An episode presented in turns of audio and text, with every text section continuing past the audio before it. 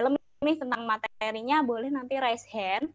Jadi nanti akan bertanya langsung dengan pematerinya seperti nanti tentang materinya boleh itu.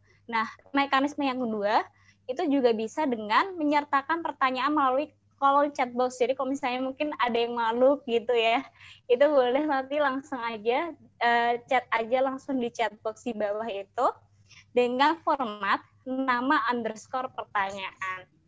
Dan yang terakhir yaitu yang keempat, jadi semua peserta webinar itu akan mendapatkan e-sertifikat. Nah, tapi ada cara ada ya share di akhir gitu. Jadi di akhir acara akan kami share gitu. Jadi uh, teman-teman Inspirans uh, diharapkan bisa mengikuti acara webinarnya sampai selesai. Gitu ya.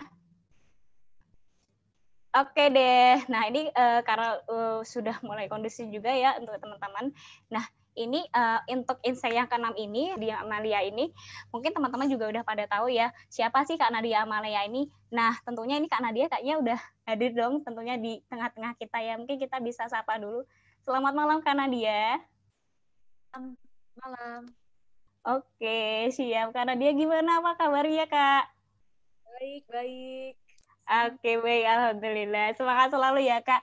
Nah, ini teman-teman, jadi uh, Kak Nadia Amalia ini adalah salah satu, uh, adalah seorang CEO dan juga co-founder dari Alia. Nah, mungkin teman-teman ada yang udah tahu juga ya tentang Alia ya. Jadi, uh, atau mungkin juga ada yang atau mungkin ada yang atau mungkin ada yang belum tahu ya tentang Alia. Uh, yang tahu maupun yang belum tahu, ini nanti uh, dari panitia sudah mempersiapkan video perkenalan tentang Alia. Jadi sebelum uh, materinya dimulai, nanti ini mohon uh, bisa teman-teman tim panitia untuk share terkait video pengenalan Alianya. Dari panitia, apakah sudah siap untuk videonya? Oke deh, siap. Ini dia. Oke, boleh dilihatkan?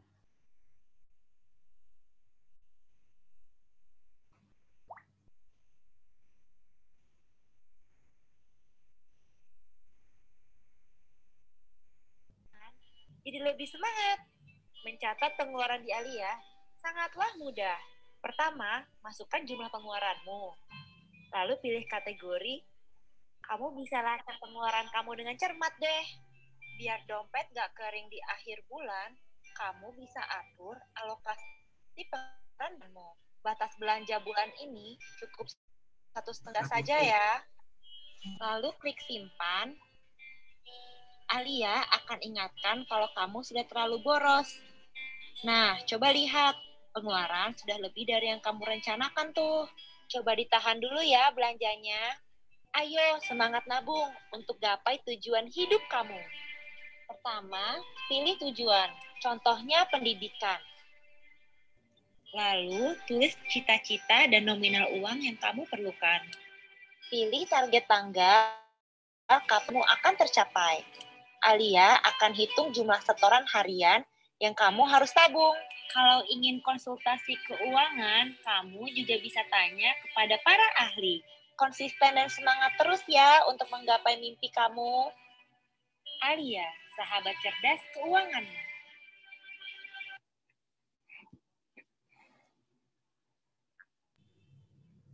Nah, oke. Okay. Jadi uh, kayak gitu ya teman-teman ya untuk uh, pengenalan Alia. Jadi Alia ini adalah salah satu platform aplikasi yang mungkin teman-teman sudah bisa dapatkan juga di App Store maupun juga di Play Store gitu. Jadi untuk uh, bisa bantu teman-teman dalam tracking uh, pengeluaran dan juga pemasukannya teman-teman gitu. Jadi bisa bantu dan nantinya akan relatable banget sama materi pada malam hari ini kayak gitu. Nah, dan luar biasanya nih untuk insight yang keenam ini kita akan dibersamai langsung dengan CEO dan juga sekaligus co-founder dari Alia itu sendiri yaitu dengan Kak Nadia Amalia. Oke, nah Kak Nadia Amalia ini selain men, uh, merupakan seorang CEO dan juga co-founder dari Alia, ternyata juga lulusan dari Magister, Magister Finance di MIT USA. Jadi nggak main-main inspirasi ini kalau malam hari ini emang uh, pematerinya sangat luar biasa. Jadi uh, jangan lupa untuk siapkan catatan dan juga penanya karena jangan sampai ada ilmu yang terlewatkan ya inspirasi ya. Kalau gitu kalau dari Kak Nadia Malia apakah sudah siap Kak? sudah. Oke, kalau Oke, siap Kak. Kalau gitu eh, kami persilahkan Kak Nadia Amalia untuk memaparkan materinya. Oke, makasih. Oke, makasih ya Fitri. Nah, sebelumnya sih aku mau bilang makasih dulu ke teman-teman. Aku salut banget sama teman-teman. Ini malam-malam hari Minggu. Biasanya ini hari Minggu tuh kalau pada umumnya itu nggak produktif biasanya udah mau Senin, weekdays, mau kerja lagi atau mau kuliah lagi biasanya tuh suka mager, pinginnya tiduran atau mungkin sekarang yang lagi zaman nonton drakor mungkin enakan nonton drakor tapi teman-teman di sini malah mau belajar keuangan. Jadi aku mau tepuk tangan dulu ke teman-teman. Harapan aku materi kali ini bisa menjadi pencerahan nih buat teman-teman. Jadi nggak rugi nih menghabiskan waktu satu setengah jam di hari Minggu malam. Nah, jadi mungkin aku bakal move on tambah berlama-lama nih. Kayaknya mungkin udah pada penasaran juga. Jadi aku bakal mulai share screen. Udah kelihatan belum screennya? Okay. Udah, Kak. Nah, jadi sebenarnya sesuai sama videonya, kali ini tuh aku bakal planning untuk. Nah, jadi di sini uh, mungkin tadi sempat uh, Fitri tadi udah memperkenalkan apa itu Alia. Jadi aku mungkin yang tadi teman-teman belum dapat, aku mau reintroduce lagi. Jadi aku dari Alia dan Alia itu salah satu produk yang aku buat dari pengalaman aku sendiri dari manage uang dan mengalami kesulitan karena nyatet uang tuh ribet, manage uang tuh ribet. Akhirnya aku bikin platform yang namanya Alia yaitu platform aplikasi yang bisa membantu kita tracking transaksi dan juga menganalisa spending kita dari HP aja. Karena selama ini dulu aku tuh biasanya nggak tahu kondisi keuangan aku. Dulu pakai Excel, dulu pakai Notes, jadi ribet banget. Nah, jadi mungkin ini bakal relate banget sih sebenarnya sama materi aku bakal bawain ke teman-teman, uh, yaitu mengenai, mengenai financial planning. Dan financial planning itu pasti tidak terpisahkan dari analisa spending juga. Nah, tapi tadi kan di awal udah ada cek ombak nih dari uh, namanya dari insight ya. Tadi sempat Fitri cek ombak. Nah, di sini aku juga mau cek ombak juga nih. Jadi di sini aku bakal ada polling. Aku mau teman-teman ambil quiz dulu nih biar udah malam-malam kan semoga nggak ngantuk ya. Jadi aku mau mau launch poll ini buat teman-teman buat bantu jawab. Pernah nggak teman-teman ngerasa akhir bulan itu pusing kalau lihat rekening atau akhir bulan itu pusing lihat isi dompet. Nah, jadi aku bakal nunggu nih sampai teman-teman selesai voting. Pengen tahu nih cek ombak kira-kira teman-teman di sini udah gimana nih kira-kira pusing atau senang sama kondisi keuangannya nih. Wah ini ada empat orang kayaknya nggak pernah pusing, jadi kayaknya emang keuangannya talk chair nih. Nah, di sini oke, aku tunggu sampai satu menit ya. Kita cek ombak nih. Semoga malam-malam belum ngantuk ya. Oke, udah hampir satu menit, hampir 92 orang yang jawab.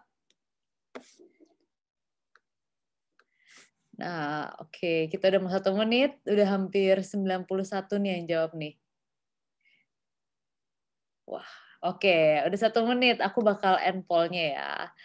Nah, oke.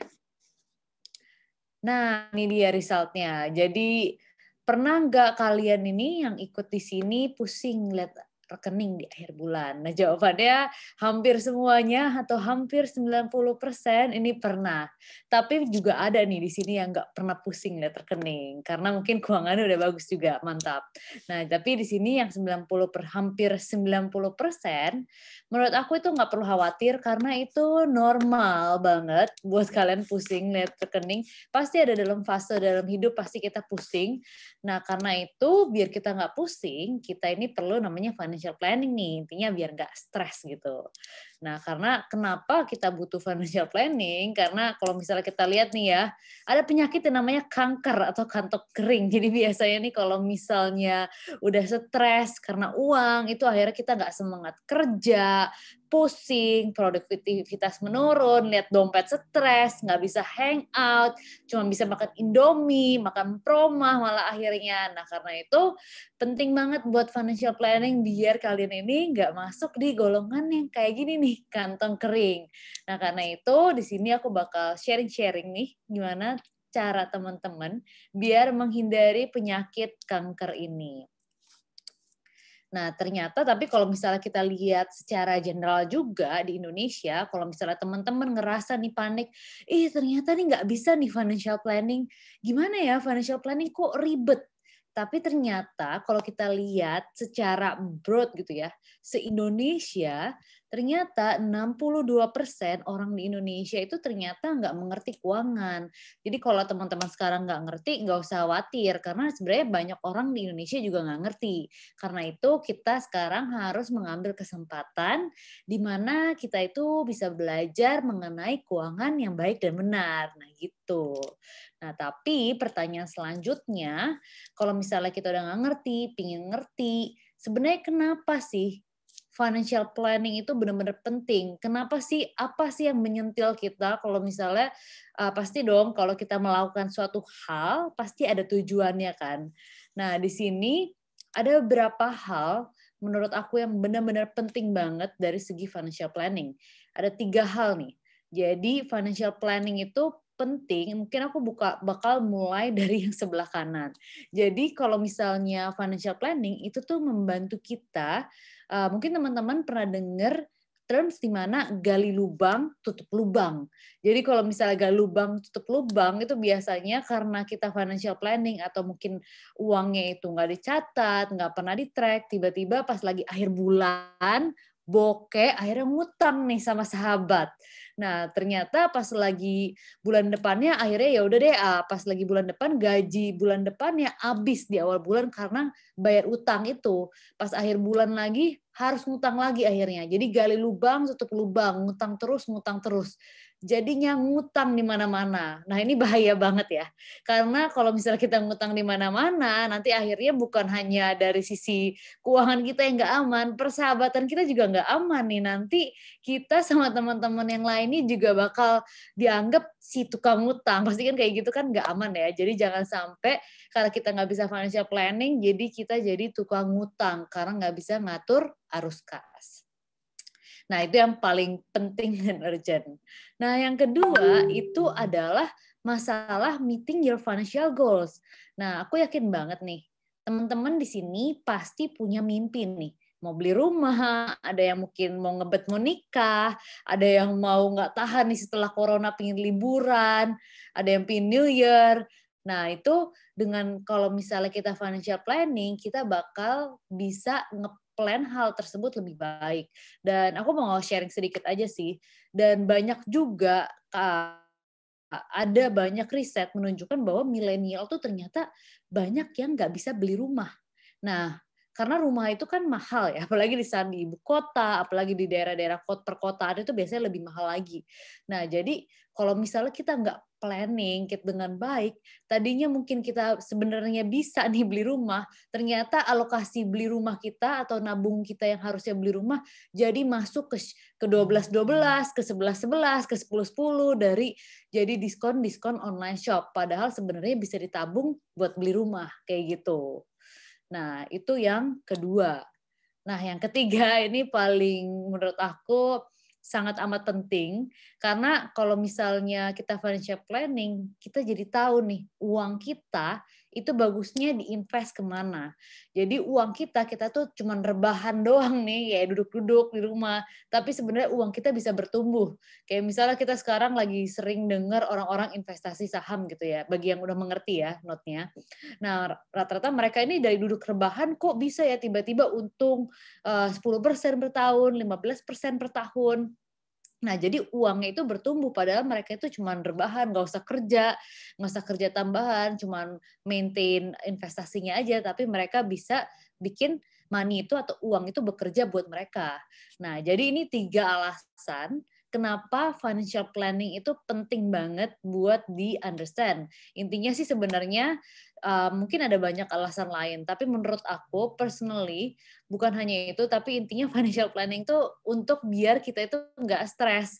Jadi kadang-kadang tuh pasti uang itu adalah kalau misalnya kita lihat riset juga uang itu adalah salah satu alasan stres terbesar uh, yang ada bukan pacak, bukan hubungan, bukan kerja, tapi sebenarnya adalah masalah uang itu yang bikin kita stres. Jadi kalau misalnya kita financial planning, kita itu mungkin salah satu road kita buat kita bisa hidup lebih bahagia dan lebih nggak stres. Nah, jadi itu ya tiga alasan penting banget buat kalian, apalagi yang masih muda untuk mulai financial planning. Nah, tapi ini kan dari intinya biar nggak stres ya. Tapi sebenarnya ini mulainya dari mana ya? Pasti dong yang paling kita pusing apalagi dalam financial planning itu adalah mulainya dari mana ya? Kesannya kan kayak ngatur duit itu pusing, mulai investasi itu pusing. Nah, jadi gimana nih cara kita mulai untuk financial planning? Nah, itu sebenarnya caranya itu ada sebenarnya simple aja nih, nggak usah dibawa ribet sih menurut aku. Jadi ada empat step utama kita dalam financial planning. Yang pertama, pasti dong kalau misalnya sebelum kita planning, kita harus paham dulu nih. Kayak misalnya kita mau planning kuliah di mana, tapi kan kita harus ngerti dulu nih passion kita di mana, kita sukanya apa. Nah, bukan hanya di karir aja atau di kuliah, tapi juga di financial planning sebelum kita mulai financial planning, kita juga harus memahami kondisi keuangan kita terlebih dahulu. Jadi, step pertama yang paling dasar banget di financial planning itu adalah kita harus memahami kondisi keuangan kita. Nah, setelah kita memahami kondisi keuangan kita nih, tahu gimana, kita itu harus tahu juga nih sebenarnya tujuan kita financial planning itu buat apa. Tujuan kita ini sebenarnya mau mencapai apa. Karena kalau misalnya nggak ada tujuan, pasti nggak semangat dong. Kayak misalnya nih, kita belajar, tapi belajar ini nggak ada tujuannya pasti dong kayak males banget nih ngapain ribet-ribet belajar tapi tujuannya nggak jelas. Nah karena itu di financial planning juga sama. Jadi tujuannya itu harus jelas nih kira-kira teman-teman ini mau ngapain. Nah yang ketiga udah tahu tujuannya, udah tahu keuangannya gimana. Yang ketiga adalah kita juga harus paham nih bagaimana nih kita mencapai tujuan kita dengan kondisi keuangan kita. Nah, itu yang ketiga. Nah, yang keempat, setelah kita tahu nih bagaimana mencapainya, kita tahu nih kendaraan itu apa atau produk-produknya itu apa yang harus atau bisa kita pakai untuk mencapai tujuan tersebut. Jadi kalau misalnya ada teman-teman yang bilang financial planning tuh ribet banget sih, enggak financial planning tuh enggak ribet. Intinya tuh ada empat step utama ini. Pokoknya inget aja kalau misalnya mulai financial planning mulai dari mana mulai dari empat step utama ini dan jangan dilongkap. Jadi harus urut ya. Jadi empat step ini pahami keuangan, mengerti tujuan keuangan, tiga tahu bagaimana mencapai dan mengerti produk apa untuk mencapai tujuan kita. Nah ini ada empat empat step utama.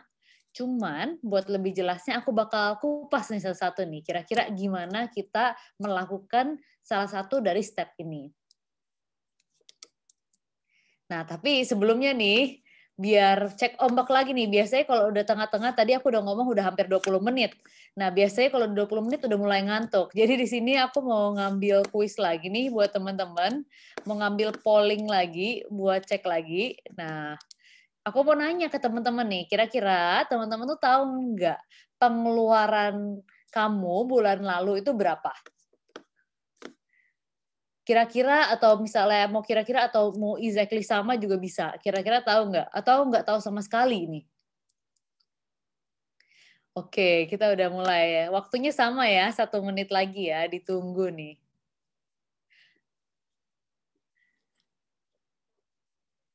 Kalau misalnya malu-malu nggak apa-apa, klik aja karena ini anon kok. Jadi jangan takut ya.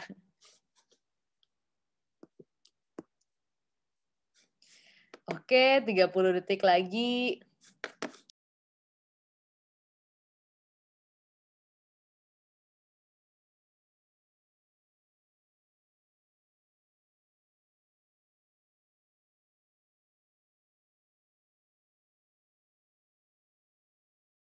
Oke, nah udah satu menit nih.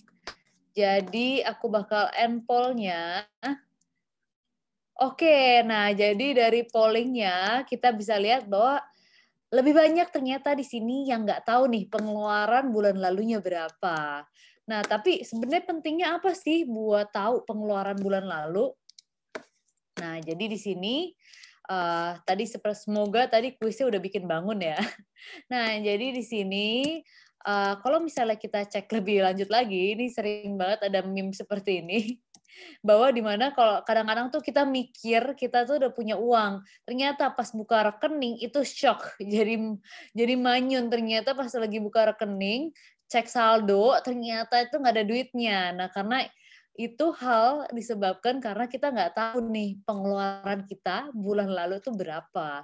Nah ini banget sering banget terjadi buat anak-anak muda, bukan hanya ke kalian, misalnya kalau kalian pernah, aku juga pernah merasakan seperti itu dulu, di mana kalau misalnya kalau mau cek rekening tuh rasanya deg-degan nih, kira-kira ada duitnya nggak ya, tiba-tiba tiba-tiba rekeningnya berapa ya duitnya. Nah jadi itu tuh penyebabnya kadang-kadang karena kita itu nggak paham kondisi keuangan kita. Nah, jadi ini sebenarnya nyambung banget nih untuk memahami kondisi keuangan kita. Jadi kan di step satu tadi itu adalah hal yang paling penting.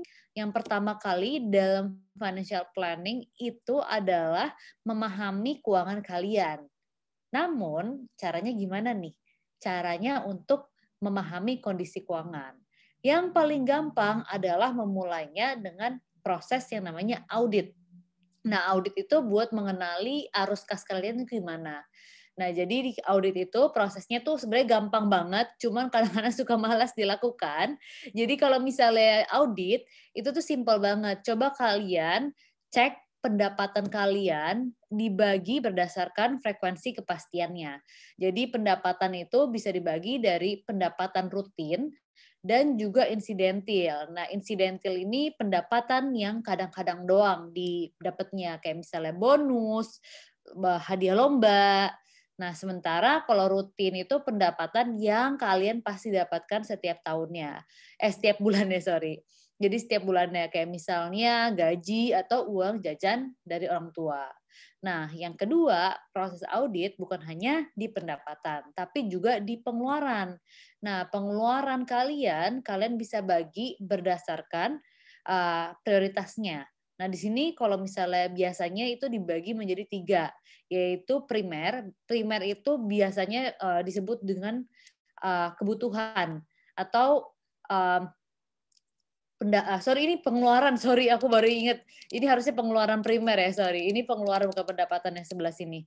Pengeluaran primer. Nah jadi pengeluaran primer itu pengeluaran yang kudu harus dikeluarkan setiap bulannya. Kayak misalnya bayar kos transportasi makan uh, makan kalian itu masuk di pengeluaran primer.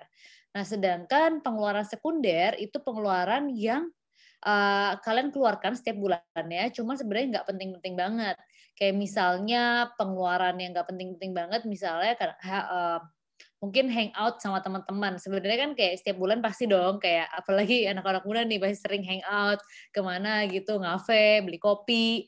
Nah itu masuk di sekunder karena sebenarnya uh, kalian tuh bisa bertahan hidup tanpa itu. Cuman ya pingin aja. Jadi kayak lebih kayak ke playing, pengeluaran playing, pengeluaran untuk senang-senang. Nah, terakhir prioritas terakhir adalah pengeluaran tersier. Pengeluaran tersier ini adalah pengeluaran yang uh, kalau misalnya kita bilang itu paling nggak penting. Jadi misalnya kayak kalian itu buat jalan-jalan ke Bali atau misalnya akhir tahun ini mau ngasih hadiah ke teman-teman dekat, sebenarnya kan uh, itu uh, urutan kepentingan biasanya paling terakhir. Nah jadi pengeluaran tersier ini yang kadang-kadang doang dan sebenarnya uh, prioritasnya nggak begitu penting-penting banget gitu. Nah jadi ini ada tiga prioritas dari pengeluaran yang bisa di Nah, jadi kalian itu bisa memulai audit kalian dengan membagi pendapatan kalian dengan metode tersebut dan juga pengeluaran kalian dengan metode prioritas. Nah, selanjutnya di proses audit kalian itu bisa membandingkan pendapatan kalian sama pengeluaran kalian. Nah, kira-kira itu lebih besar mana nih pendapatan kalian atau pengeluaran kalian? Nah, dari situ kalian jadi tahu nih, kira-kira spending habit kalian ini bagaimana? Apakah sebenarnya spending habit kalian nih udah sehat atau belum. Nah, jadi ada sering banget kalau misalnya aku pas uh, training sering banget menemukan uh, kasus mana pengeluaran ini lebih besar dibandingkan pendapatan dan itu baru ketahuan pas lagi audit. Jadi selama ini nggak uh, nyadar karena apalagi misalnya dulu pas lagi aku mulai audit, dulu tuh aku kadang-kadang nggak nyadar kalau misalnya pengeluaran aku lebih besar dibandingkan pendapatan aku, apalagi pas lagi kuliah karena kan masih bisa minta orang tua dan lain-lain ya. Jadi kadang-kadang kita nggak nyadar nih. Nah karena itu audit itu penting banget. Jadi kita tahu nih kira-kira pengeluaran kita itu sebenarnya berapa, pendapatan itu sebenarnya berapa. Jadi sebenarnya kita tuh overspending atau enggak. Sebenarnya kita tuh bisa save more apa enggak kayak gitu. Nah, ini juga penting untuk menilai kesehatan finansial kalian. Jadi kalau misalnya kesehatan finansial, uh, mungkin aku bakal bahas uh, tadi agak lompat sorry. Jadi aku bakal bahas dari ternyata kalau misalnya pengeluaran kalian itu lebih besar dari pendapatan, itu tuh kalian tuh harus ngapain. Nah, jadi kalau misalnya dengan audit, pas lagi audit ini ternyata menemukan kasus di mana pengeluaran kalian itu lebih besar dibandingkan pendapatan. Nah, itu gimana nih buat mengatasinya? Biar uh, buat bulan depannya itu kalian nggak boros lagi. Nah, jadi uh, kalau misalnya kalian melakukan audit, itu jadi jauh lebih gampang buat kalian untuk menghindari yang namanya defisit. Nah, jadi kalian tinggal cek aja. Tadi kan aku bilang ada tiga macam prioritas ya. Kalian ingat-ingat pengeluaran kalian bulan lalu, terus bagi dari primer, sekunder, sama tersier. Nah, dari situ kan ketahuan nih, kira-kira spending kalian ini sebenarnya banyaknya di primer, banyaknya di sekunder, atau banyaknya di tersier. Nah, kalau misalnya kalian defisit, kalian bisa ngurangin nih dari pengeluaran yang paling nggak penting, kayak tersier. Terus kalau misalnya tersier masih defisit juga, kalian bisa ngeluarin yang sekunder kayak gitu. Tapi kalau misalnya sekunder juga masih defisit, uh, jadi mungkin opsinya biasanya ya menambah pendapatan karena primer itu adalah pengeluaran yang benar-benar pokok banget gitu. Jadi biasanya kalau misalnya defisit, coba cek lagi pengeluaran sekunder kalian, pengeluaran tersier kalian, dan cek lagi kira-kira apa yang bisa dikurangin dari situ kayak gitu. Nah, terus ini juga biasanya kalau misalnya habis audit kadang-kadang kita seneng nih. Yes, ternyata keuangannya itu udah surplus atau pengeluarannya itu lebih kecil dibandingkan pendapatannya. Nah, itu nggak berarti keuangan kalian sehat. Jadi keuangan kalian itu sehat itu kalau misalnya kalian sudah bisa menyisihkan at least 10% dari pendapatan kalian itu untuk nabung. Jadi kalau misalnya pengeluaran kalau misalnya keuangan bulanan kalian tuh surplus tapi ternyata surplusnya itu cuma seribu itu jangan seneng dulu. Karena ya, itu belum termasuk sehat. Karena unless kalau pendapatan kalian itu sepuluh ribu per bulan ya itu kan artinya 10 persen ya seribunya.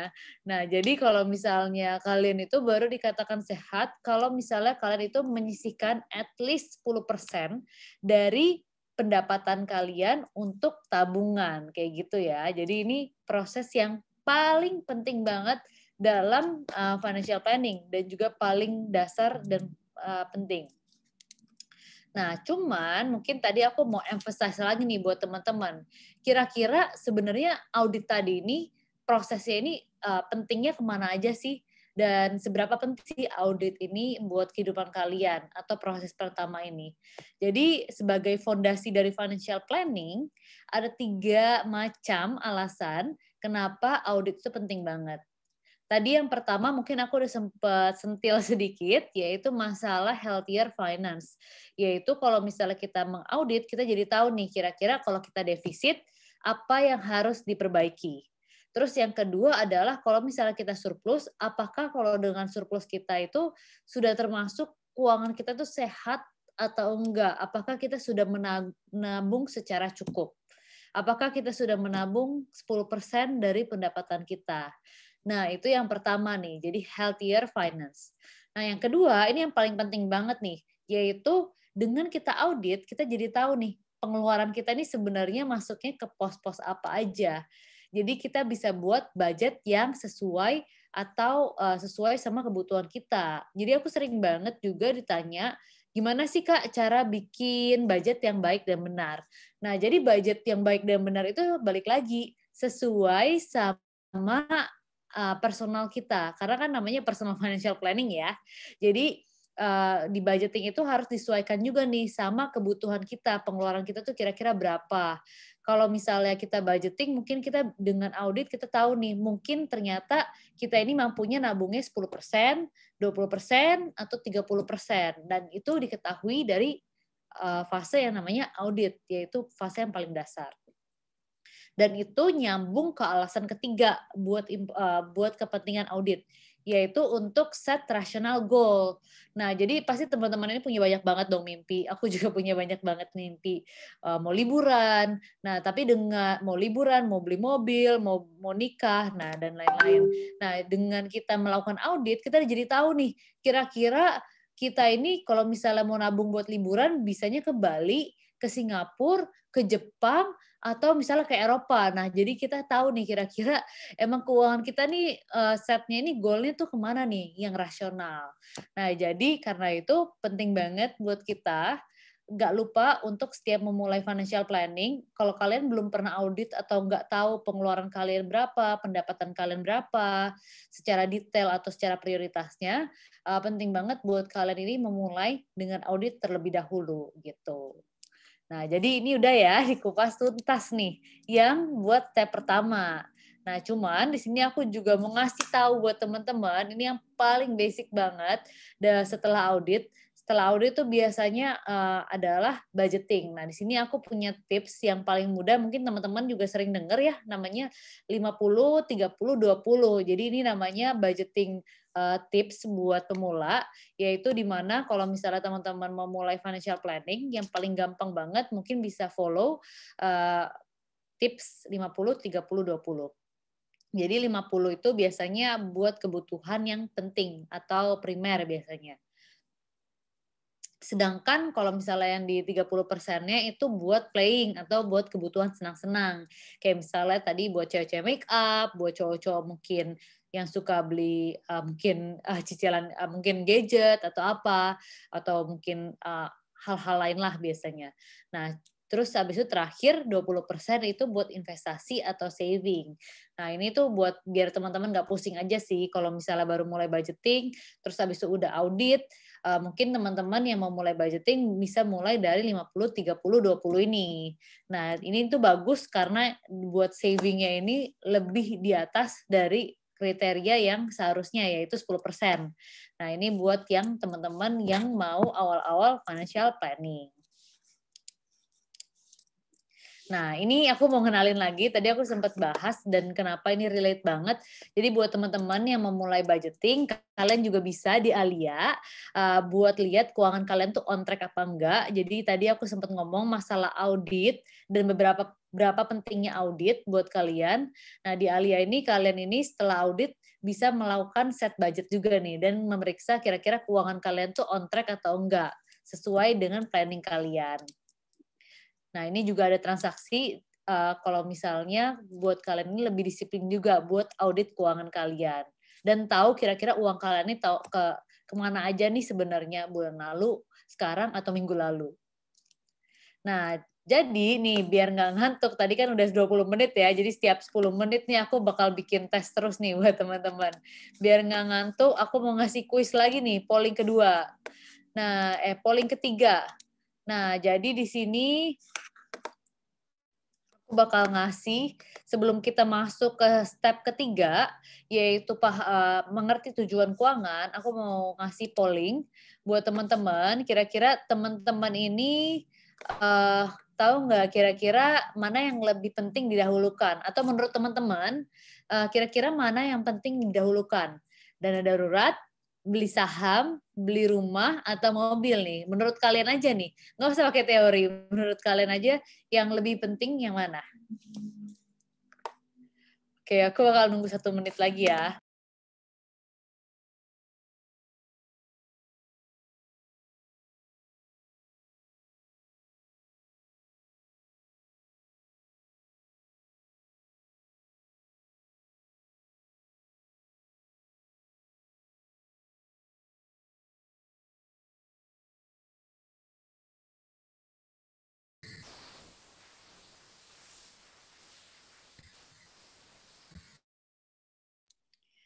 Oke, ini udah hampir satu menit nih sepertinya.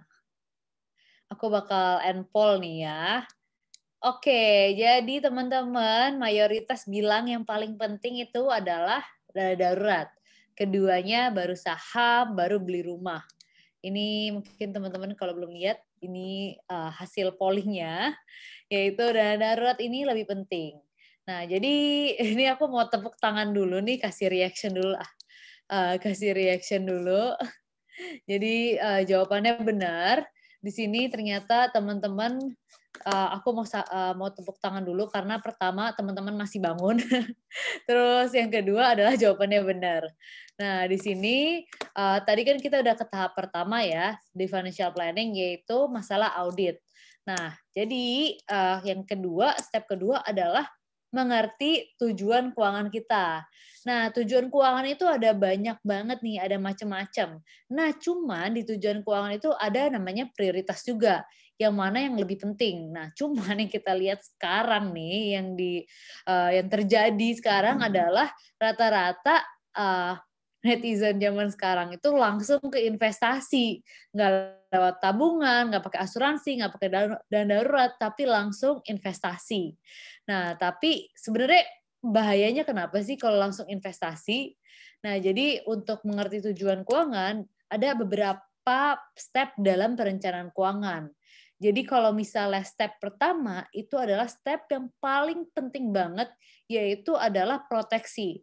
Jadi sebelum teman-teman investasi, misalnya mau di saham dan lain-lain, yang paling penting dulu adalah teman-teman ini punya proteksi. Kayak seperti dana darurat dan asuransi. Kenapa? Karena kalau misalnya terjadi kenapa-napa nih, misalnya kalau misalnya kondisinya tiba-tiba kayak aku nih, misal eh, misalnya kondisinya kayak aku eh, kasih contoh aja ya kayak misalnya di setelah corona ini mengalami misalnya penurunan pendapatan atau lain-lainnya. Ini contoh aja ya. Nah, kalau misalnya kita terjadi situasi tersebut, makanya dana darurat itu penting banget nih buat kita punya. Jangan sampai tiba-tiba uangnya ini ditaruh di instrumen lain seperti investasi saham, tiba-tiba harganya anjlok, teman-teman butuh uang, terus panik, nggak punya uang, akhirnya harus ngutang ke mana-mana. Karena itu penting banget punya dana darurat sebelum uh, kita menabung untuk hal yang lain. Karena ini sorry. Karena hidup ini nggak terduga nih, pasti ada situasi di mana kita ini harus menghadapi situasi-situasi yang terduga, nggak terduga. Makanya kita harus selalu sedia dana darurat dan asuransi. Nah, terus tujuan keuangan selanjutnya yang penting banget setelah dana darurat asuransi adalah tujuan keuangan untuk mencapai goal-goal kalian seperti dana pensiun, nabung beli rumah, nabung beli mobil, pokoknya yang penting deh buat kalian yang ingin kalian tabung. Nah, terus terakhir nih yang paling atas, kalau ada uang sisa atau kira-kira nih udah kayaknya udah mencapai nih semua tujuan keuangannya, udah beli mobil, udah nikah, udah semuanya deh, udah nabung segalanya, terus masih ada duit sisa, itu bisa kalian masukin di investasi yang mungkin sifatnya jangka panjang nih, yang bisa diambil lebih riski juga.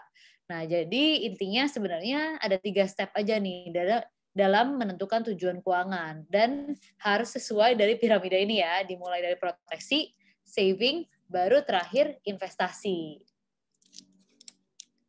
Nah, tadi aku sempat bahas sedikit tentang dana darurat dan biasanya suka ditanya juga nih. Jadi sebelum ditanya, aku mau jelasin buat dana darurat. Dana darurat tadi aku sempat sentil juga bahwa dana darurat adalah dana yang harus kita punya karena ya hidup ini adalah uh, tidak bisa kita duga juga. Pasti ada suatu kondisi yang di mana sangat darurat sehingga kita butuh narik tabungan kita dari situ. Nah jadi uh, kita itu kalau misalnya persiapan dan darurat kita harus sedia seenggaknya enam kali pengeluaran bulanan buat dana darurat bagi yang single. Nah, kalau misalnya yang berkeluarga kita bisa simpan 6 sampai 12 kali Nah, kalau misalnya kalian udah berkeluarga dan punya anak, ini dana darurat kalian itu bisa lebih dari 12 kali pengeluaran bulanan kalian. Nah, jadi jangan lupa ya. Jadi pasti di tahap awalnya tadi kan udah audit ya. Jadi udah tahu kira-kira pengeluaran bulanan kalian nih kira-kira berapa. Nah, jadi ini kira-kira besaran dana darurat yang bisa kalian tabung nanti kalau misalnya menabung untuk dana darurat. Nah, jadi ini yang tahap pertama ya. Nah, terus kita mulai ke tadi kan piramida pertama kan dana darurat selesai ya dikupas. Kita sekarang ngupas uh, tujuan uh, yaitu yang bagian kedua yaitu nabung untuk tujuan finansial. Nah, jadi ini aku kasih langsung aja case study biar gampang relate-nya. Jadi sering banget kalau misalnya buat tujuan finansial, ini contohnya misalnya kalau kalian mau beli rumah umur 28 tahun. Nah, kira-kira gimana sih untuk mencapai tujuan finansial dan strategi menabungnya itu gimana? Nah, jadi untuk menentukan tujuan keuangan, kalian itu harus uh, maksudnya lebih gampang apabila kalau misalnya kalian ini pakai metode yang namanya SMART. Nah, SMART itu apa? Jadi SMART itu adalah pertama itu spesifik. Jadi misalnya kalian itu harus spesifik nih kira-kira tujuannya mau apa. Jangan tujuannya itu kayak uh, aku mau kaya aja kak. Nah kaya ini kan relatif ya. Ada orang kaya, ada yang orang yang bahagia kalau misalnya punya 10 juta. Ada yang orang yang gak bahagia punya satu miliar. Ada orang yang gak bahagia punya 10 uh, 100 miliar. Jadi itu kan sebenarnya spes, uh, relatif banget. Jadi kalau misalnya punya tujuan keuangan, kalian itu harus spesifik. Kira-kira mau beli rumah, Terus yang kedua adalah uh, measurable. Kira-kira kalian tahu nih, harga rumahnya itu berapa yang mau ditabung. Nah, yang ketiga, kita itu harus tahu usaha apa yang kita harus lakuin buat meraihnya. Misalnya kerja, jualan, atau yang lain-lainnya. Dan yang keempat, ini yang paling penting banget dan sesuai tadi sama tahap yang sebelumnya, yaitu cek kondisi keuangan kita sebenarnya mungkin nggak sih untuk mencapai tujuan ini. Nah, yang terakhir adalah time frame. Kira-kira time frame ini yaitu um, berapa lama sih kita mau mencapai tujuan keuangan tersebut? Lima tahunkah? Dua tahunkah? Atau mungkin 10 tahun? Nah, jadi uh, time frame ini penting banget buat kalian karena dengan tahu time frame-nya kalian jadi tahu nih kira-kira butuh nabungnya itu berapa per bulannya atau mungkin per minggunya dan lain-lainnya. Nah, jadi ini metode yang bisa kalian lakuin untuk di piramida kedua, yaitu tujuan keuangan. Nah, selanjutnya ini dari step 3, ini uh, kayaknya udah 10 menit lagi aku ngomong. Jadi aku mau bikin kuis lagi nih kayaknya biar nggak ngantuk lagi. Jadi ini ada contoh nih uh, dari temen aku namanya contoh ya, contoh aja. Jadi ada temen aku namanya si Budi. Jadi si Budi ini baru lulus umurnya tuh 23 tahun. Nah, lima tahun lagi Budi ini pingin beli rumah nih.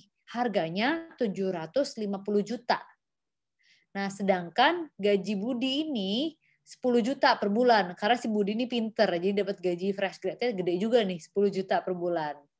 Pertanyaan aku adalah kira-kira dengan gaji 10 juta nih per bulan, Budi ini bisa nggak sih beli rumah yang harganya 750 juta itu lima tahun lagi? Nah, jadi di sini uh, aku bakal mulai polling lagi nih buat yang terakhir. Kira-kira bisa nggak ya Budi beli rumahnya? Aku bakal ngasih waktu buat teman-teman satu menit untuk menjawab. Kira-kira si Budi bisa nggak nih beli rumah?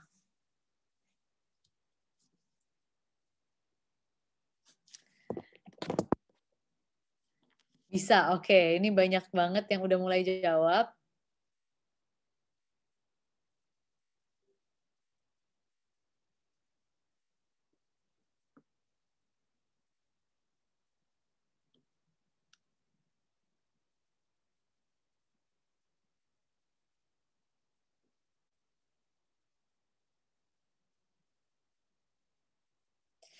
Oke, udah hampir bentar lu soalnya malah ke skip hampir satu menit.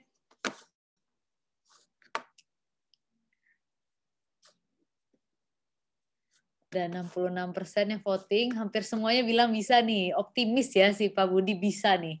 Gajinya kayaknya gede nih Budi Nah, oke, okay, udah satu menit. Aku bakal end poll-nya. Nah, jadi jawabannya, kalau misalnya dari polling kita kali ini, jadi ternyata kayaknya sih bisa nih uh, buat Pak Budi nih, buat beli rumahnya. Tapi jawabannya gimana nih ya? Nih, aku bakal sharing jawabannya buat si Pak Budi ini nih. Ternyata dengan gaji 10 juta per bulannya, jadi si Pak Budi ini pingin beli rumah 750 juta nih, ceritanya cash nih. Terus ternyata setiap tahunnya harga rumah itu naik 4% karena ada faktor yang namanya inflasi atau kenaikan harga secara umum terus-menerus dalam setiap tahunnya. Jadi harga rumah ini naik nih 4%. Nah, jadi kalau misalnya naik 4%, ternyata harga yang tadinya 750 juta, lima tahun lagi ini harganya jadinya 912 juta. Wah, naiknya banyak ya. Hampir 200 juta nih naiknya. Terus si Pak Budi ini karena dia ini cukup melek investasi, dia masukin di tabungannya 10%. Dimasukin di produk-produk investasi yang kasih 10% per tahunnya.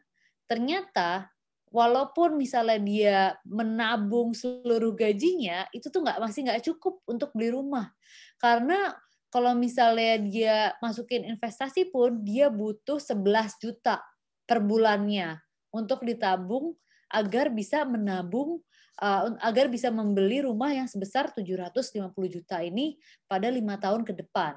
Nah, jadi sebenarnya take away atau misalnya pesan terpenting dari kasus Pak Budi ini adalah dalam menentukan tujuan keuangan, apalagi yang rumah, kadang-kadang ini karena ada kenaikan harga, uh, terus habis itu pasti ada faktor lainnya, ini penting banget buat teman-teman ini mulai planning lagi nih, kira-kira berapa yang harus teman-teman tabung setiap bulannya.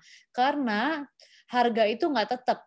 Tadinya misalnya harga tadi kayak si Pak Budi ini 750 juta, ternyata sebenarnya lima tahun lagi ini harganya 912 juta. Jadi kadang-kadang kita mikir kita bisa belinya, ternyata kita udah nabung susah-susah, eh malah nggak bisa mencapai tujuan keuangan tersebut. Jadi kalau misalnya kita udah financial planning dari awal, sehingga kita tahu nih yang realistis sama nggak realistis itu yang mana. Kira-kira kalau misalnya kasus Pak Budi nih, mungkin uh, mungkin yang bisa dilakuin, mungkin dia bisa mulai dari DP dulu, nggak usah beli cash keras gitu, karena ternyata abang duitnya nggak cukup gitu.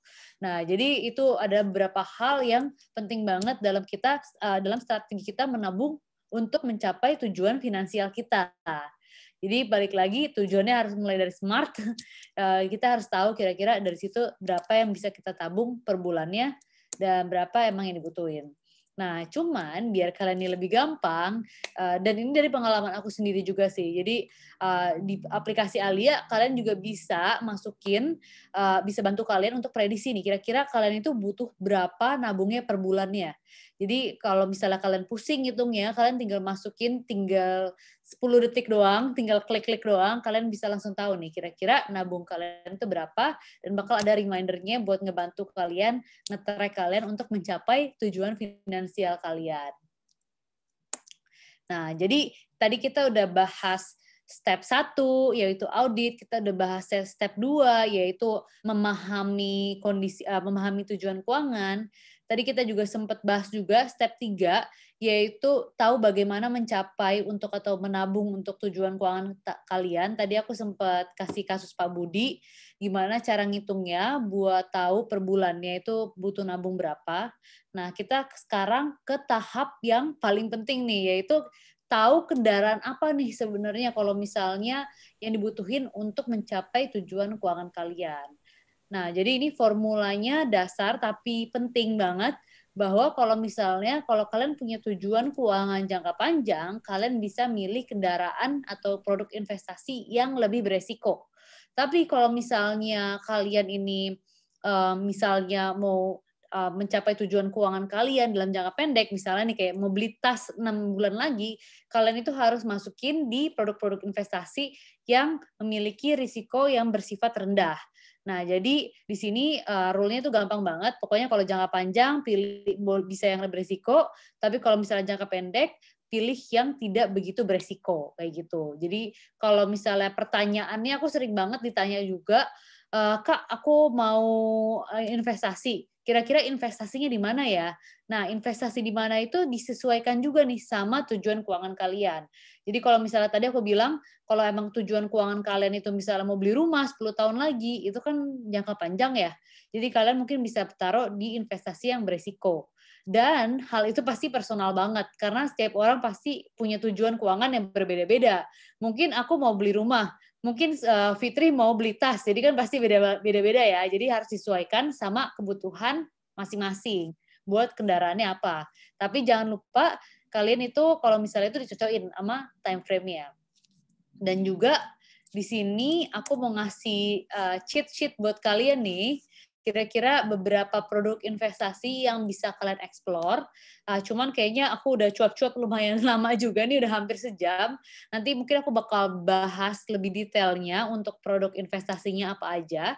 Di sini aku membagi dari produk risiko rendah, menengah, sama tinggi. Jadi kalau misalnya tinggi itu biasanya buat di atas lima tahun. Kalau misalnya menengah itu untuk 3 sampai lima tahun kalau misalnya risiko rendah itu kurang dari satu tahun sampai tiga tahun. Nah ini juga aku bagi berdasarkan return uh, returnnya yaitu imbal hasilnya. Jadi kalau misalnya kita bisa lihat ya, jadi semakin uh, tinggi resikonya, semakin tinggi uh, uh, imbal hasilnya atau returnnya gitu. Jadi itu biasanya berhubungan lurus. Nah, cuman kalau milih produk investasi bukan hanya disesuaikan sama tujuan keuangan kalian, tapi juga disesuaikan sama profil risiko kalian. Jadi kalau misalnya kalian ini tipe orang yang nggak bisa uangnya berkurang sepeser pun nih kalau misalnya atau misalnya duitnya berkurang atau rugi seribu aja udah kayak stres banget hidupnya. Nah jadi jangan pilih investasi dengan risiko tinggi karena nanti hidup kalian bakal stres terus nanti ngeliatin investasinya aduh lihat eh, sahamnya tiba-tiba kok turun 10% ya. Aduh nggak bisa tidur nih kayak gitu. Jadi jangan sampai kayak gitu. Kalau misalnya kalian tahu kalian orang yang nggak bisa mentolerir risiko pilih yang risiko rendah aja. Walaupun itu buat tujuan keuangan yang jangka panjang ya. Karena itu daripada hidupnya stres uh, demi return tinggi mendingan nggak usah stres deh. Jadi pilih risiko rendah sesuaiin sama profil risiko kalian. Nah, jadi untuk sekalian menutup nih ya, jadi aku mau recap lagi dari uh, cuap-cuap aku nih udah hampir satu jam. Ada beberapa hal yang penting banget dalam financial planning, apalagi buat yang basic. Yang pertama adalah yang paling penting kita harus audit kondisi keuangan kita. Kita harus paham kira-kira pengeluaran kita berapa, pendapatan kita berapa, Nah, kalau misalnya kita udah audit, kita bisa apply ke budgeting kita. Jadi kita bisa membuat budget bulanan nih yang cocok sama pengeluaran kita itu sebenarnya gimana, yang cocok sama lifestyle kita ini gimana gitu.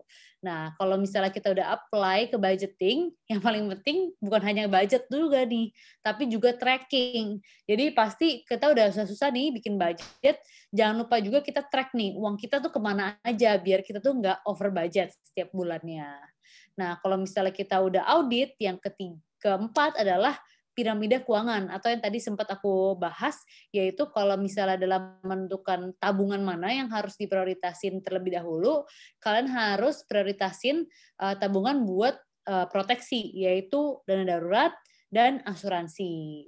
Nah, terus yang terakhir adalah dalam memilih produk investasi atau step keempat Nah, dalam memilih produk investasi harus disesuaikan sama tujuan keuangan kalian, yaitu dengan resiko profil resiko kalian dan juga jangka waktu uh, investasi atau jangka waktu menabung kalian.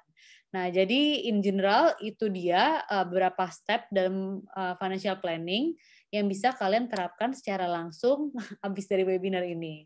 Kayak gitu. Nah, mungkin uh, sekian dari aku dan jangan lupa kalau misalnya kalian mau ngecek Alia atau mau pakai aplikasi Alia, kalian bisa sekarang udah nggak waiting list lagi, bisa langsung download. Ini aplikasi aku buat uh, karena pengalaman aku dari financial planning sendiri dan banyak aplikasi yang nggak cocok dari sama financial planning aku. Jadi uh, Alia ini aku buat buat uh, milenial yang dengan uh, pendekatan lokal. Kalau kalau misalnya kalian mau coba, mau download, kalian bisa langsung ke Instagram chatalia.id dan di situ ada link buat download aplikasi kita. Jadi sekian dari aku dan uh, mungkin aku akhiri kita bisa langsung lanjut kali ya ke sesi tanya jawab. Oke, siap Kak Nadia. Wah, luar biasa banget. Ini terima kasih ya Kak Nadia. Materinya sangat insightful banget dan aku yakin pasti dari teman-teman ada banyak pertanyaan ya terkait financial planning ini. Nah, bagi teman-teman yang ingin bertanya, bisa langsung aja raise hand atau uh, tulis di chat box ya. Jadi nanti formatnya adalah nama underscore pertanyaan. Nah, mungkin ini biar sekalian nge-trigger nih teman-teman nih. Ini kebetulan kan Nadia kita juga udah ada pertanyaan dari Google Form juga. Nah, ini aku bacain ya Kak Nadia ya. Oke, jadi ini yang Kak Nadia yang pertama. Ini ada pertanyaan nih dari Aprilia Eka Lestari.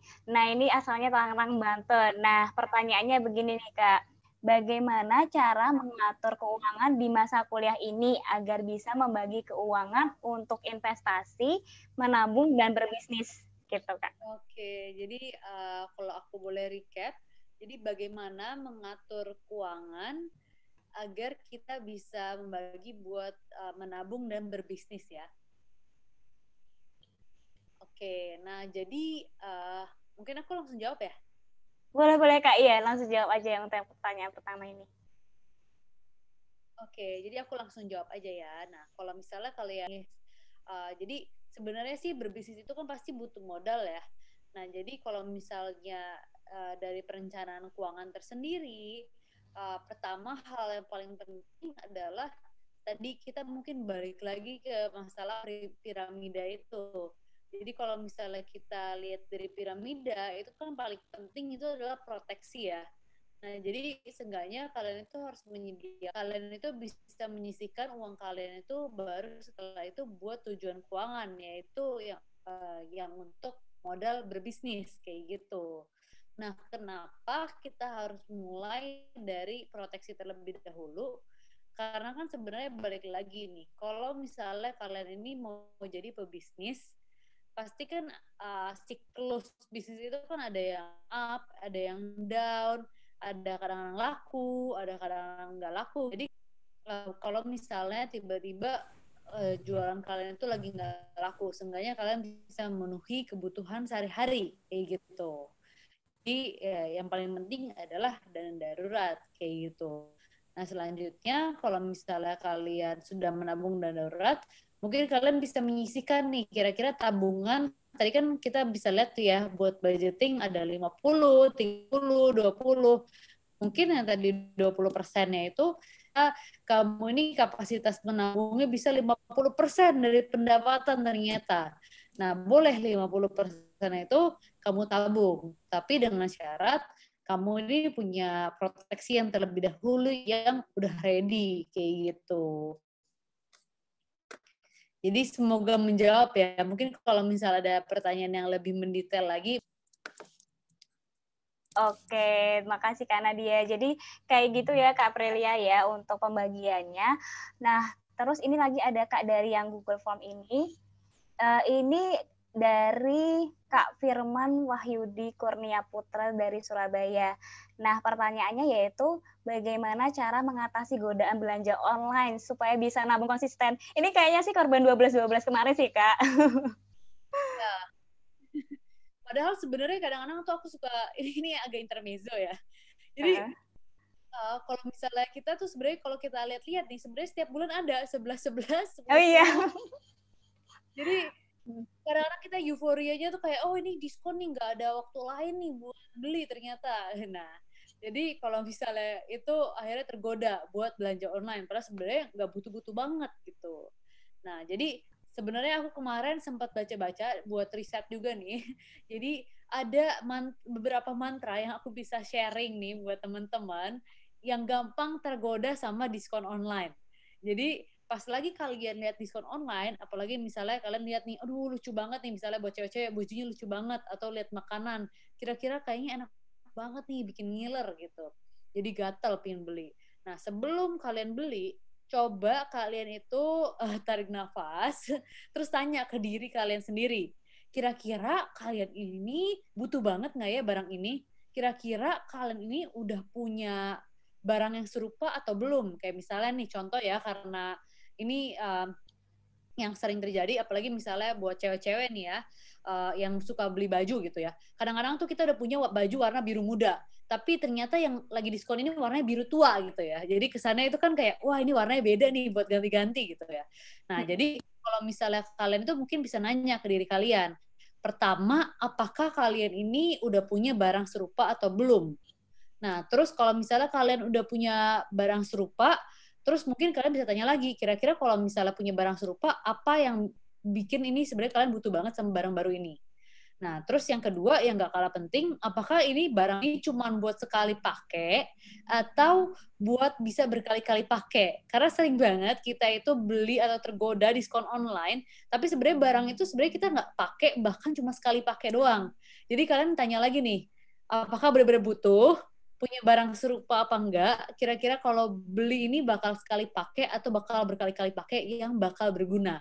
Nah, jadi tarik nafas dulu. Oke, sebelum klik, mungkin boleh dimasukin wishlist dulu, biar bisa mikir. Terus habis itu ntar pas lagi mau masukin keranjang nih, mau beli, kalian mikir, kira-kira benar-benar butuh atau enggak, kayak gitu. Oke, siap Kak Nadia. Nah, itu ya uh, Kak Firma ya. Jadi tarik nafas dulu, jangan sampai kalap gitu. Dipikirin lagi nih kira-kira butuh atau enggak nih barangnya. Nah, ini ternyata juga ada yang raise kan Kak Nadia ini dari Ubaidillah. Nah, Kak Ubaidillah boleh uh, on cam dan langsung aja unmute untuk pertanyaannya bisa langsung disampaikan ke Kak Nadia. Halo Kak. Halo. Terima kasih atas kesempatan bertanyanya. Uh, pertanyaan saya yaitu bagaimana kalau dalam audit pendapatannya 0% atau ditanggung 100% oleh orang tua? Uh, apakah audit tetap perlu dilakukan? Terima kasih. Oke, makasih Ubay. Panggilannya Ubay ya. Oke, jadi uh, buat audit sendiri Mungkin aku bo boleh biar interaktif, mungkin aku boleh nanya juga ya ke Ubay. Boleh, Oke, Kak. Aku boleh nanya juga ke Ubay. Nah, jadi kalau misalnya dalam audit sendiri, apakah misalnya uh, Ubay ini uh, tipe pe pengeluaran ini setiap uh, mau beli apa mungkin langsung diganti sama orang tua atau sebenarnya dikasih jajan bulanan gitu? Dikasih jajannya kalau lagi pengen belanja aja, Kak. Oh, oke oke oke. Nah, jadi sih sebenarnya mungkin jadi artinya kalau misalnya ada pengeluaran tertentu baru uh, dikasih jajan gitu ya. Oke, jadi mungkin tadi sih sebenarnya tadi yang aku materi aku mungkin lebih bisa relate ke kalau misalnya pengeluaran kita itu biasanya uh, dibagi, atau pendapatan kita itu biasanya dibagikan per bulannya. Nah, cuman kalau misalnya di kasus Ubay ini mungkin di auditnya itu mungkin uh, jadi selama ini mungkin kayak misalnya misalnya nih uh, Ubay mau minta sesuatu nih misalnya uh, minta bulan ini misalnya minta 500 ribu gitu ya. Nah, dari 500 ribu itu mungkin bilang sama orang tua misalnya mau ada tujuan tertentu ya misalnya ubah ini ada tujuan tertentu mau beli sesuatu atau mau nabung sesuatu. Mungkin dari situ bilang ini lagi nabung buat ini sekalian. Bisa bisa salah satunya buat kayak gitu juga. Nah mungkin menyambung ke pertanyaan itu buat auditnya dari segi itu aja sebenarnya mungkin uh, yang bisa dilakukan adalah uh, mungkin mengaudit dari sisi pengeluaran kira-kira dari pengeluaran yang tadi Ubay sudah keluarkan, apakah sebenarnya pengeluaran ini banyak kan yang nggak penting atau yang penting gitu? Dari situ sih yang basicnya. Jadi kan sebenarnya selama ini kan udah tinggal minta aja ya ke orang tua. Tapi nanti kan nggak selamanya kita bisa minta uang ke orang tua. Pasti satu kondisi di mana Ubay ini harus uh, kerja, harus mengeluarkan sendiri. Nah, latihan yang bisa dilakukan dari sekarang adalah menilai nih kira-kira selama ini pengeluaran ubah ini sudah efektif atau belum dengan audit tadi kayak gitu dari prioritasnya gitu sih udah menjawab belum Ubay? Sudah kak, menjawab banget. Terima kasih. Terima kasih. Oke, jadi seperti itu ya Kak Ubay ya. Nah, mungkin ini juga akan relate juga bagi teman-teman sekalian karena kebetulan mostly nih Kak Nadia yang hadir insight pada malam hari ini adalah mahasiswa. Jadi mungkin pendapatannya banyak yang dari orang tua gitu Kak. Oke. Nah, eh, terus ini Kak ada pertanyaan lagi ini dari Firman. Nah, tadi pertanyaannya seperti ini Kak. Kak mau tanya dalam kondisi kayak gini, apabila kita ada dana lebih nih sebaiknya ditaruh di tabungan biasa atau instrumen keuangan lainnya? Oke, jadi kalau misalnya punya, nah ini tergantung banget nih. Jadi dana tadi dana yang pertama apa opsi pertama dana keuangan biasa. Uh, tabungan biasa kak, jadi mungkin deposito kali ya yang dimaksud tabungan biasa atau kas gitu. Oke. Nah, jadi ini tergantung banget ya. Jadi uh, tergantung sama tujuan keuangan tadi. Tadi balik lagi kan. Jadi taruh uang di mana itu adalah kendaraan kalian nih atau produk investasi kalian. Nah, jadi kalau misalnya dalam uh, memilih nih kira-kira taruh uangnya itu di mana yang efektif, itu harus disesuaikan lagi nih sama tujuan kalian. Misalnya, kalau misalnya uangnya itu buat dana darurat, mungkin lebih baik emang taruh di uh, rekening biasa gitu karena pasti uangnya eh, kadang-kadang dibutuhkan gitu. Dan itu nggak tahu kapan dibutuhkannya. Nah terus kalau misalnya kali ini uangnya ternyata dana nganggur nih uh, atau mungkin kalian ini nggak butuh dana ini dalam waktu dekat. Nah kalau misalnya kayak gitu kalian itu bisa taruh di produk-produk investasi. Karena kalau misalnya di tabungan itu kan nggak efektif ya. Paling tabungan itu kayak misalnya rekening biasa itu cuman bisa ngasih kalian imbal hasil yang mungkin sekitar tiga persen, dua persen, belum lagi ada biaya admin kayak gitu. Jadi sangat terbatas ya dari uang kalian itu untuk bertumbuh. Nah, jadi buat kalian yang ada dana menganggur, ada baiknya itu ditaruh di produk-produk investasi. Nah, cuman investasinya itu apa? Ada dua syarat nih menurut aku yang penting banget dalam memilih investasi. Yang pertama adalah kalian itu harus ngerti investasinya. Jadi ini aku uh, sempat uh, tadi aku sempat ngasih investment uh, fact list. Jadi di sini ada beberapa produk investasi ya. Di sini ada reksadana. Nah, reksadana ini sendiri adalah portofolio berbagai macam uh, portofolio berbagai macam uh, uh, investasi yang dikelola oleh manajer investasi. Pokoknya istilahnya gampangnya reksadana itu kayak misalnya uh, kalian ini punya uang, terus kalian titipin ke aku sebagai manajer investasi, nanti aku bantuin investasi di berbagai macam produk. Nah, itu itu namanya reksadana. Nah, jadi kalau misalnya reksadana, produk-produknya juga ada berbagai macam. Jadi ada yang pasar uang, itu di mana mereka itu ditaruh di produk-produk yang bersifat aman, seperti produk perbankan, seperti deposito. Nah, cuman kalau misalnya yang risiko menengah, ada juga yang pendapatan tetap ada yang ditaruh di uh, instrumen yang bernama obligasi atau surat hutang negara atau surat hutang perusahaan. Ada juga yang namanya reksadana saham, yaitu yang diinvestasikan di perusahaan-perusahaan. Nah, itu reksadana uh, jadi berbagai macam banget. Nah, cuman sebelum kalian memulai investasi, kalian harus mengenalin dulu nih berbagai macam produk. Kayak misalnya saham itu apa, reksadana saham itu apa, reksadana reksadana pendapatan itu tetap itu apa, terus deposito dan reksadana itu apa, eh, reksadana pasar uang itu apa. Nah, jadi itu penting buat kalian sebelum kalian memutuskan kira-kira investasi yang mana, pilih yang kalian kalian itu paling comfortable atau paling mengerti kayak gitu. Tapi saran aku sih kalau misalnya emang punya duit ekstra, sayang kalau ditaruh di tabungan karena duitnya nggak bertumbuh banyak. Jadi kalau misalnya itu pertama pilih instrumen yang uh, kalian itu nyaman, terus yang kedua sesuaiin juga nih sama profil risiko kalian. Kira-kira kalian ini uh, dari pilihan investasi ini kan menunya banyak ya. Ada yang misalnya ada menu menu saham, ada menu pendapatan tetap, ada menu pasar uang. Nah, cuman menu yang cocok sama taste kalian tuh yang mana? Itu harus dicocokin lagi kayak gitu. Jadi ingat ya dua syarat profil risiko kalian semana, TC semana. Terus yang satu adalah pahami juga nih, kira-kira produknya ini kayak gimana gitu. Jadi semoga menjawab ya. Oke, siap Kak Nadia. Nah, ini mungkin uh, pertanyaan terakhir kali ya Kak ya, karena ini juga udah menunjukkan pukul 8 lebih 45 menit nih. Nah, ini ada pertanyaan satu kali lagi Kak dari Jumiati Ningsih. Nah, uh, pertanyaannya seperti ini Kak. Setiap kita punya definisi suksesnya masing-masing. Nah, dari Kak Nadia sendiri, pada kondisi seperti apa nih Kak bisa dikatakan sukses secara finansial? Terima kasih Kak. Oke. Nah, jadi sukses secara finansial ini mungkin aku bisa bilang sangat relatif ya sukses secara finansial. Karena tadi sebenarnya kaya itu kan relatif banget ya ada yang orang merasa kaya dengan satu juta, ada yang orang baru merasa kaya pas lagi satu triliun, jadi sangat amat relatif. Cuman di finansial itu ada tiga macam sukses nih. Ada ada sukses utama nih biasanya. Jadi ada di mana kalau misalnya pertama kalau misalnya fase sekarang apalagi kalau misalnya buat anak muda itu adalah di mana kita itu bekerja untuk uang.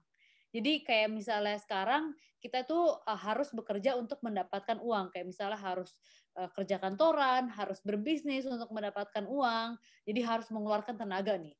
Nah, step kedua kalau misal tangga kedua adalah kita tuh campuran nih. Jadi kita bekerja tetap harus bekerja untuk mendapatkan uang, tapi uang kita itu udah mulai bisa menghasilkan uang buat kita juga.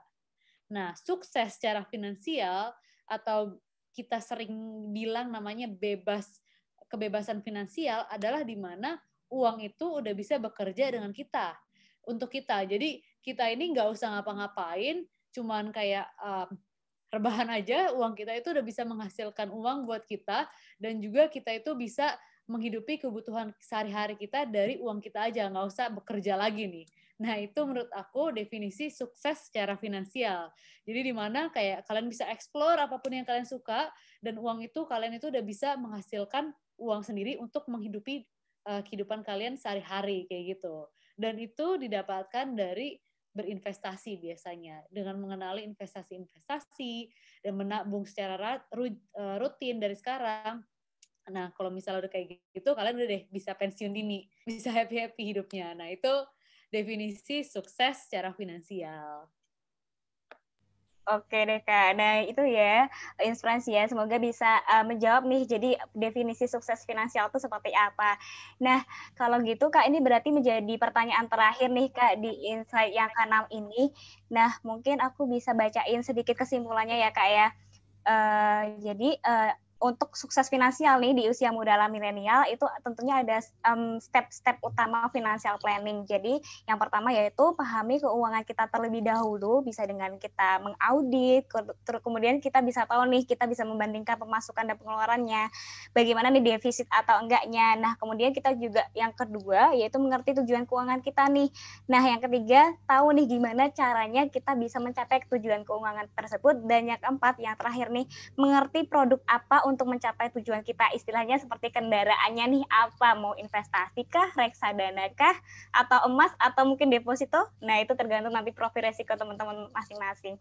Nah uh, dengan begini uh, mungkin kak Nadia ada quotes gitu kak yang mungkin bisa disampaikan untuk inspirasi nih?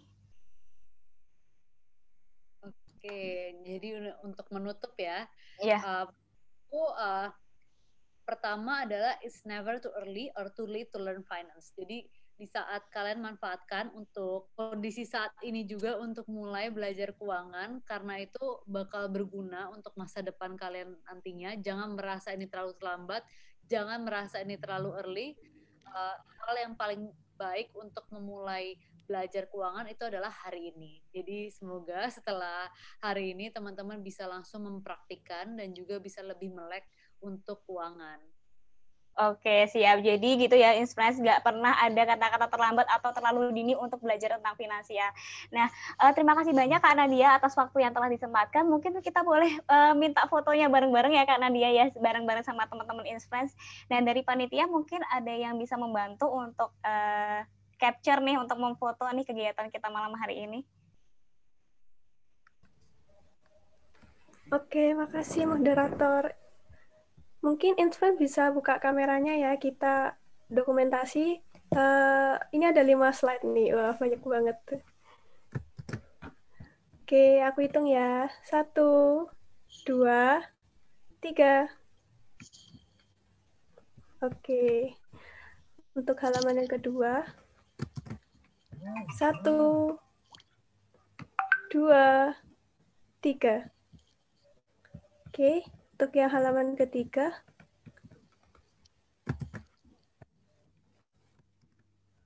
satu, dua, tiga. Halaman keempat, satu, dua, tiga. Oke, yang terakhir, satu, dua, tiga. Oke, terima kasih semuanya. Acara saya kembalikan ke moderator. Oke, thank you Via. Nah, sekali lagi saya mengucapkan banyak terima kasih mewakili dari uh, panitia Inspio ya Kak Nadia ya udah mau luangkan waktunya lebih dari satu jam Kak Nadia di malam Senin ini luar biasa banget padahal besok udah mulai on duty ya Kak. Kayak gitu. Nah, apabila ini Kak Nadia boleh stay di sini atau boleh meninggalkan room juga Kak kalau misalnya ada urusan lainnya. Sekali makasih Kak Nadia. Terima kasih. Oke, kalau gitu uh, Inspirasi ini pasti adalah hal yang paling ditunggu sama Inspirasi kalian karena aku akan uh, nge-share nih link feedbacknya nih. Dari tadi ada yang banyak banget yang nanyain Kak mana link absennya, Kak mana link absennya. Oke, jadi aku akan share nih link absennya. Jadi uh, ini link absennya untuk bukan link absen ya link feedbacknya untuk pada insight pada malam hari ini bisa difoto atau mungkin uh, biar nggak lupa gitu ya. Biasanya karena banyak banget yang kadang-kadang nih inspirasi kadang-kadang lupa kak in, tadi yang mana ya linknya kayak gimana ya tulisannya. Dan tolong perhatikan besar kecilnya huruf karena itu sangat berpengaruh untuk bisa sukses uh, ini update-nya nanti untuk linknya kayak gitu. Mungkin juga dari teman-teman panitia bisa dibantu di share di kolom chat ya untuk ininya link feedbacknya. Sudah Kak Fitri. Oh oke, okay. makasih ya. Oke, okay. jadi teman-teman juga bisa lihat selain bisa lihat dari layar juga bisa langsung klik aja yang ada di kolom chat ya, kayak gitu. Nah sembari ini mungkin uh, mengisi link feedback, ini nantinya link feedback hanya berlaku sampai jam 12 malam aja ya. Jadi kalau uh, aku saranin sih bisa langsung aja diisi aja tuh linknya biar nggak lupa kayak gitu. Karena admin juga tidak akan share di grup maupun personal chat gitu. Jadi walaupun kalau uh, Inspirance tanya nih di chat belum tentu dibalas sama admin kayak gitu. Nah, tentunya juga um, acara ini tidak akan sukses nih kalau uh, tidak dibantu oleh beberapa stakeholder yang membantu acara insight dari acara insight pertama sampai insight ke-6 ini.